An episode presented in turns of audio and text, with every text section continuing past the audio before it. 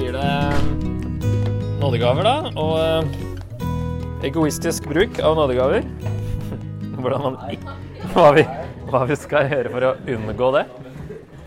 Og så eh, blir det om kjærligheten, eh, som er kapittel 13. Hvordan den passer inn i denne sandwichen her. Og så skal vi snakke, snakke litt om tungetallet og snakke litt om profeti. Først eh, disse tre kapitlene. Så kan vi si at kapittel 12 der er fokuset at ulike nådegaver gjør Jesu kropp til en enhet. Og så kapittel 13. Kjærlighet er bedre enn alle nådegaver. Og så kapittel 14. At profeti er bedre enn tungetale uten tydning, fordi profeti bygger opp menigheten. Ok, Så det var sandwichen, eh, altså nådegaver i kapittel 12. ikke sant? Og så tilbake til nådegaver, spesielt profeti opp mot tungetale uten tydning, i kapittel 14. Det er egentlig de to han snakker mest om. Virker som at uh, korinterne var veldig glad i å uh, tale i tunger. Og uh, brydde seg ikke mye om at uh, det var uforståelig for alle. og um, um, ja, dermed egoistisk bruk. og tenkte ikke på menigheten, tenkte ikke på de andre. Det var bare å peise på med egen gave uten å tenke på at det skal bygge opp menigheten. Så det er da en, en ny sånn sandwich her. Så det er jo et langt argument her også. Over tre kapitler. Tydeligvis en viktig greie som Paulus måtte ordne. Men det vi kan ta med oss, er når det står tungetale, så står det jo egentlig bare ordet glossa. Er det noen hva det betyr? Språk og fysisk tunge. Sånn, sånn som på mange, på mange, språk så er det jo det samme ordet. Um, sånn at her tenker jeg at vi blir litt sånn put off av at det står tungetale, så det blir så fremmed. Når, det, når en, gresk, en, gresk, leser vil eh, kanskje aller mest høre språk. At det er på andre språk. Som det var på pinsedag, sant? Det nytter å være klar over. Og derfor er det jo eh, Det kom tunger som av ild på pinsedag. Fordi det hadde med språk å gjøre. ikke sant? Tunger. Det ble andre språk. Så det handler ikke egentlig om tunga, det handler om språk. Men det er jo tunga det bruker til å tale språk. sant? Og Paulus lager en link til språk i kapittel 14. Altså andre språk. ikke sant? Hvis jeg snakker på et annet språk, så skjønner du ikke hva jeg sier. Men der bruker han faktisk et annet ord, som er lyd. så han Først snakka om lyd fra instrumenter, og så snakker han om lyd fra munnen. da. Og Hvis ikke du forstår lyden, så blir jeg som en fremmed. Altså Mother tongue sier du på engelsk. Ikke sant? Der har du noe av den samme betydningen, da. Men på norsk så har vi Vi snakker om mål som språk, men det er ikke helt tunga. OK. Så kapittel 12, som da handler om at ulike nådegaver gjør Jesu kropp til en enhet. Og det så vi også i Efeserbrevet, og det ser vi tror jeg, alle steder der Paulus og andre snakker om nådegaver, så handler det egentlig om enheten i menigheten, men at vi er forskjellige, og at vi har forskjellige oppgaver, og at vi kan bidra til Jesu kropp med den vi er, og de gavene vi har fått.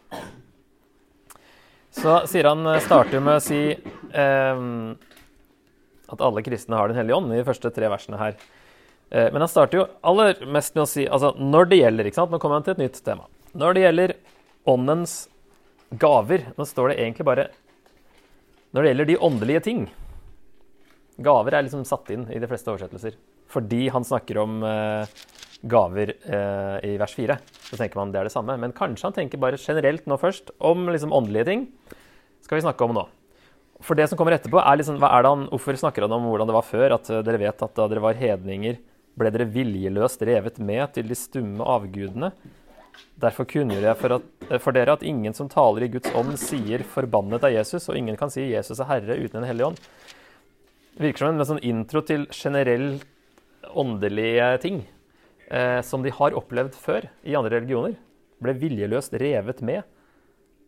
Kanskje av disse onde åndene som sto bak, da, eller et eller annet, at de har opplevd kalle det karismatiske ting i andre religioner. Um, og det gjør, det også i Gamle Testamentet, at uh, disse Baal-profetene kommer i profetisk henrykkelse eller et eller annet sånn henrykkelse av noe slag. Selv om det er en avgud. sant? Så de opplevde jo sånne merkelige ting. Og så vil Paulus informere dem om hvordan det her funker i kristen sammenheng, og at det er Gud som, som gjør det. da. Eh, men kanskje de da var usikre på hvordan dette her ville se ut. Um, og så sier han at ingen kan si Jesus er herre uten i Den hellige ånd. Ikke sant? Og derfor, alle som kan proklamere Jesus er herre, og det på den tiden var det ikke bare noe man sa. Det var eh, Du kunne bli drept for å si det, for da sa du at noen andre enn Cæsar var herre. Og det var eh, alvor. Så det sa man ikke bare på gøy, det sa man hvis man mente det. Og så er det visstnok noen gamle kilder som man sier at eh, før det her liksom skulle sies, så måtte liksom besøkende, og til og med de som ble opplært i troen, måtte ut før liksom det her skulle proklameres, fordi det var en så seriøs ting. Det er ikke sikkert det var helt i starten, det, da, men uh, litt senere ut i Oldkirken. Så uh, hvis man kan si det, at Jesus er Herre, så uh, da er du innafor, og da har du Den hellige ånd. Derfor gjelder det her liksom alle troende, det han nå kommer til å snakke om. da. Og så har vi, når han sier i vers 4 og utover der, det er forskjellige nådegaver, men ånden er den samme. Det er forskjellige tjenester, men Herren er den samme. Det er forskjellige kraftige virkninger, men Gud er den samme. Han som er virksom og gjør alt i alle. Da har du tre paralleller som vi kan sette opp, og så kan vi konkludere med at nådegaver er lik tjenester og kraftige virkninger som gis av den treenige Gud. For det er Ånden, Herren, som er Jesus, og Gud, som er Faderen. da. Så han nevner liksom alle tre, og han nevner tre, eller i hvert fall to definisjoner av nådegaver. Eh, tjenester og kraftige virkninger. Kanskje da noen jordiske, mer naturlige ting, og andre overnaturlige ting. Og når Peter i første Peter når han eh, skal liksom ramse opp nådegaver, så nevner han bare to. Og da virker det som det kanskje er sånne representative nådegaver. Når han sier 1. Eh, Peter 4 10.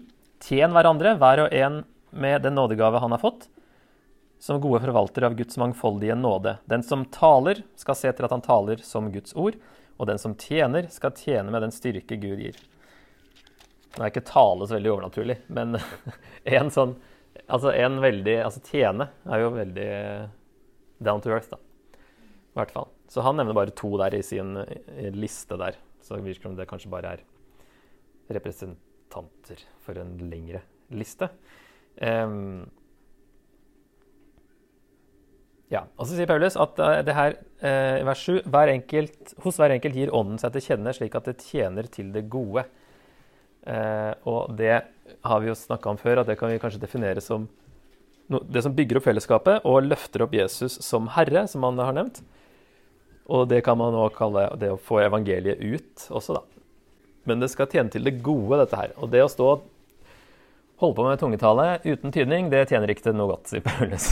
Det er ikke noe vits, og det bare fremmedgjør, og det skremmer folk vekk. Og det kan du gjøre hjemme. Hindre ikke tungetale, sier han i 1439. Ikke sant? Det sier han til slutt. Ikke hindre det, men det må gjøres på riktig måte. Um, og så når han ramser opp nådegavene her, fra vers 8 en, ved en og samme ånd blir det gitt én å tale visdom, en annen å formidle kunnskap. En får ved den ene ånd en spesiell trosgave, en annen får nådegaver til helbrede, og en får kraft til å gjøre under. En får den gale tale profetisk, en annen å bedømme ånder, en får ulike slag av tungetale, og en annen kan tyde tungetale. Alt dette gjør den ene og samme ånd, som deler ut sine gaver til hver enkelt slik han vil. Så her er det, det er en annen liste enn den som kommer i vers 28 og en annen liste, den som kommer i kapittel 14 og i Romerne 12 og i Feserne 4. Så det tyder jo på at det ikke var noen standardliste som ble ramsa opp hver gang, og at det kan finnes nådegaver som ikke er nevnt. Og Derfor kan Peter bare nevne to når han skal liksom touche på dette her temaet. Han forklarer heller ikke f.eks. logos sofias og logos gnoseos. Kunnskapsord, eller visdomsord og kunnskapsord. Som her oversettes litt annerledes. Tale visdom, formidle kunnskap. Og der har vi prøvd å definere hva er dette for noe, og man har forskjellige definisjoner. Så Paulus eh, forklarer ikke det, og det er kanskje ikke så viktig, da, ettersom det fins veldig mange forskjellige nådegaver. Men her er det noen Og det er jo mange av de samme som han nevner igjen, da, men den er aldri helt lik, den lista.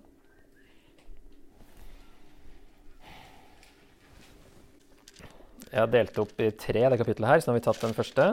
Og så kommer 12 26, der han snakker om at alle troende er en del av Jesu kropp fordi de har alle den samme ånd. Han har satt dem sammen, altså Gud, eller ånden, slik at det som mangler ære, får mye ære, for at det ikke skal bli splittelse i kroppen. Så kommer det siste avsnittet. En liste som man ikke er helt uh, enig i. Er det kronologisk eller prioritert eller en tilfeldig rekkefølge? Der han ramser opp Han sier bare 'for det første'. Altså I kirken har Gud for det første satt noen til apostler, for det andre profeter, for det tredje lærere, og så slutter han å, ramse, å bruke tall. Så er det bare deretter mektige gjerninger, deretter nådegaver til å helbrede, til å hjelpe, til å lede og til ulike slag tungetale. Han er i hvert fall tungetale helt slutt. helt til slutt, og det er kanskje med vilje. Men uh, det er liksom en liste der. OK. Så her uh, sier han da at fra vers 12 eller 13 For med én ånd ble vi alle døpt til å være én kropp, enten vi er jøder eller grekere, slaver eller frie, og alle fikk vi én ånd å drikke. Så her sier han igjen det finnes ingen kristne som ikke har Den hellige ånd, og at åndsdåpen da, skjer når man kommer til tro. Du blir døpt til å Altså eh, Med én ånd ble vi alle døpt. Det betyr jo ikke at uh, man ikke kan oppleve Den hellige ånd igjen, men uh, kan bli fylt igjen, som vi har snakka om. sant? Bli stadig fylt. Men uh, alle har fått Den hellige ånd. Alle har blitt døpt, sånn so to speak, i Den hellige ånd. Og så sier han dette med at Gud utvalgte det svake til å få mye ære for å styrke enheten. Eh, snakker om vers 24 og 25 spesielt. Det som mangler ære, for mye ære for at det ikke skal bli splittelse. Eh, og så har han sagt eh, vers 23.: De kroppsdelene som vi synes er mindre ære verdt, dem gir vi desto større ære. Og de delene vi føler skam ved, kler vi desto mer sømmelig. Sånn, de viktige delene på kroppen får mest klær for å dekke det til. Um, sånn at han bruker det bildet der fra en kropp. Og det som vi tenker på som lite ære, det har Gud um, utvalgt, sånn som vi har lest om tidligere i brevet her. Og for at det skal bli litt balanse og enheten, da. Jeg vet ikke akkurat hvilke nådegaver han da tenker på, som uh, men, uh, men uh, kanskje generelt at det vi ser på som en mindre ære, det har Gud I det bildet her så har alle like mye plass, da. Og så, når han da kommer i vers 29, så spør han da etter denne lista Er vel alle apostler? Og nå har de putta inn ordet 'vel'. Er vel alle apostler? Hvilket, hvilket uh, svar forventer Paulus? Høres ut som? Nei. Og det kan man faktisk se på gresk, for det er to nektelser man kan bruke hvis man forventer ja eller nei. ja, Så det er en uh, helt riktig oversettelse. Selv om han egentlig spør er alle apostler, men du ser at han forventer nei. Er vel alle profeter, ikke sant? Er alle lærere? Gjør vel alle under? Har alle nådegaver til å helbrede? Taler alle i tunger? Kan alle tyde tungetallet? Nei. Så poenget er å utfylle hverandre. Man skal ikke ha alle nådegavene. Alle skal ikke gjøre det samme. Alle skal ikke tale i tunger. Det er ikke et tegn på at du har Den hellige ånd, selv om man kanskje hører det noen ganger. Hellige ånd har du, for du tror. Og det er ikke et tegn på at du er døpt i hellige heller, for det ble du også da du kom til tro.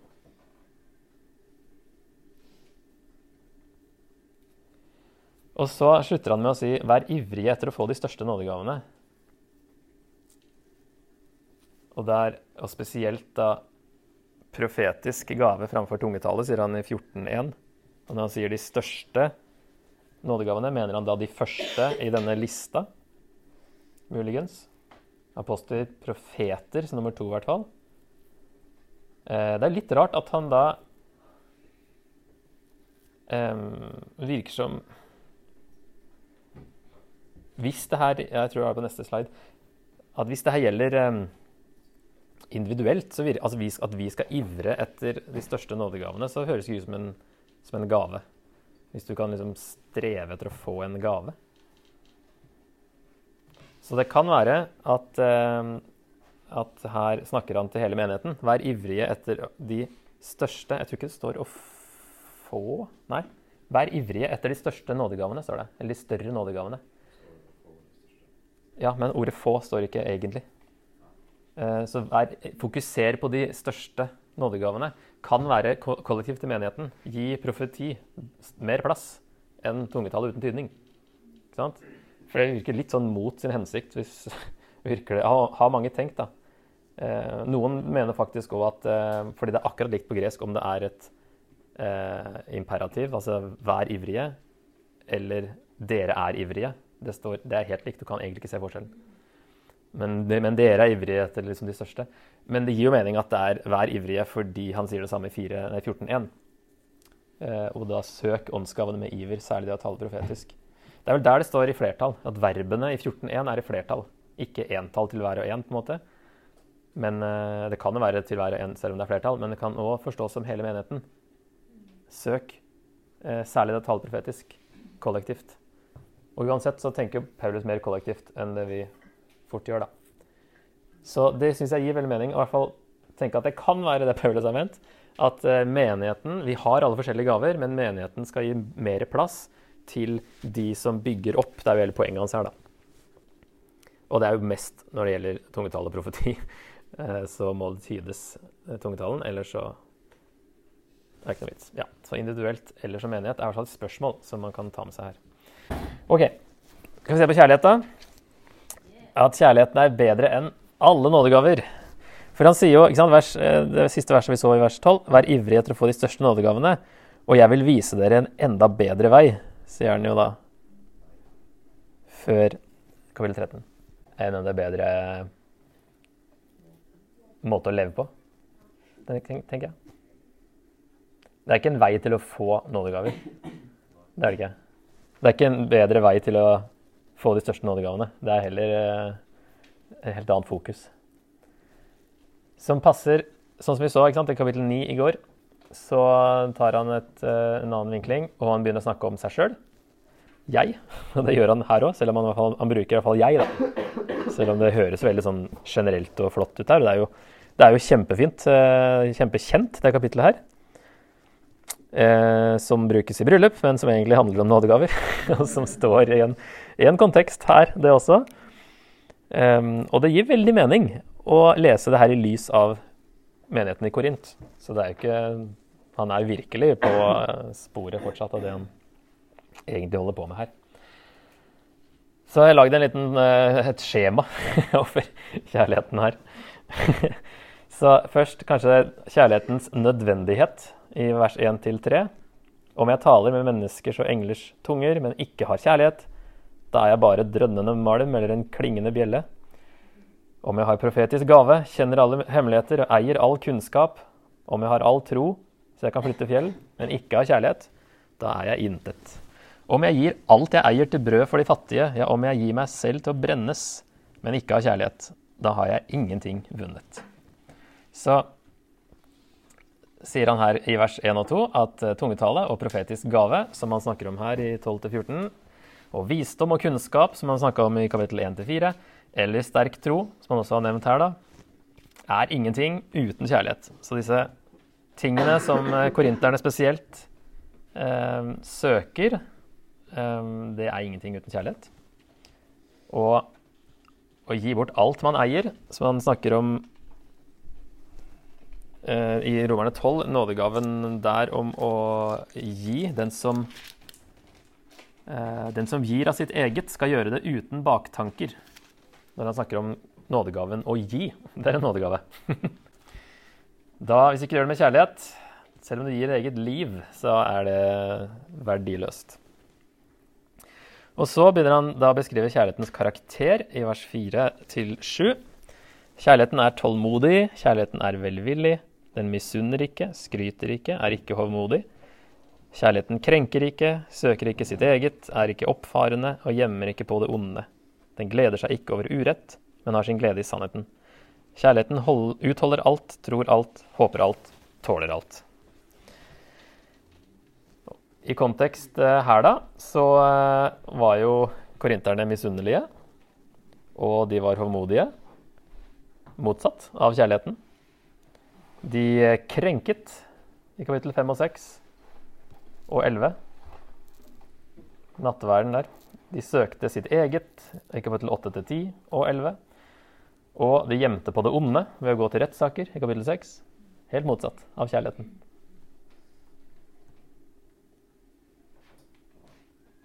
Og så eh, kommer da kjærlighetens varighet. Fra 8 til 13. Kjærligheten tar aldri slutt. Profetgavene skal bli borte. Tungene skal tie, og kunnskapen får gå. For vi forstår stykkevis og taler profetisk stykkevis. Men når det fullkomne kommer, skal det som er stykkevis, ta slutt. Da jeg var barn, talte jeg som et barn, tenkte jeg som et barn, forsto jeg som et barn. Men da jeg ble voksen, la jeg av det barnslige. Nå ser vi i et speil, i en gåte. Da skal vi se ansikt til ansikt. Nå forstår jeg stykkevis. Da skal jeg erkjenne fullt ut, slik Gud kjenner meg fullt ut. Så blir de stående, disse tre, tro, håp og kjærlighet. Men størst blant dem er kjærligheten. Så vers 9 til 10 eh, at uh, setter han opp stykkevis opp mot fullkomment. Og så vers 11 setter han barn opp mot voksen. Og vers 12 setter han speil eller en gåte opp mot ansikt til ansikt. Og konkluderer med at kjærligheten fortsetter inn i evigheten. Det er derfor den er størst. Eh, tro, håp og kjærlighet. Størst blant dem er kjærligheten. Fordi du trenger på en måte liksom ikke tro og håp like mye når Jesus kommer tilbake og alt blir fornya. Da har jo håpet kommet det du håper på, eller det vi håper og venter på, det kommer da. Eh, det vi tror skal komme, det har kommet da. Så da er liksom ikke det Kjærligheten er viktigere da, større, fordi den er evig. For da skal vi være sammen med Gud i relasjon. Um, så det er nok det han sier, at den er eh, Derfor er den størst. Så kjærligheten er ikke en nådegave, men den overgår alle nådegaver. Nådegavene må brukes i kjærlighet er jo det han hinter om her. Ikke, ikke fokuser på nådegavene i seg sjøl. Eh, søk kjærlighet, som han sier. Jag etter kjærligheten i 14.1. Søk åndsgavene med iver, særlig det å tale profetisk. Men jag etter kjærligheten. Det er mye viktigere enn disse gavene. Kjærligheten viser da på en måte Jesu karakter, og det er jo det vi er kalt til å etterfølge. Og så er det Ånden som gir gaver. Sånn som han vil, står det i 12.11. Og så er det kjærligheten. Det er ordet agape som regel da, i Bibelen. Den er størst fordi bare den skal vare evig. Og da er det greit å bare kommentere at eh, det som ofte siteres rundt om i media, at eh, størst av alt er kjærligheten, det står egentlig ikke i Bibelen, da. Størst blant dem er kjærligheten. Og så har man gjort til og med tatt størst av alt er kjærligheten og laga det til en sånn tolkningsnøkkel for alt annet Paulus sier. Eh, som da ville gått litt imot akkurat den tolkningen. Men nei, men størst av alt er jo kjærligheten, så da kan ikke Paulus liksom eh, mene det han sier andre steder. Men det står egentlig ikke det, da, så det er greit å være klar over. Agape er ubetinget kjærlighet. Så det er jo Guds kjærlighet som han har vist til oss, som vi skal vise til andre. Så hver gang det står 'elsk hverandre', så er det agapeo. Så den, Derfor kan han si 'la kjærligheten være uten hykleri' i romerne. For det er ikke en følelse, det er handling, og den skal være ubetinga. Å elske hverandre, tjene hverandre, løfte hverandre opp.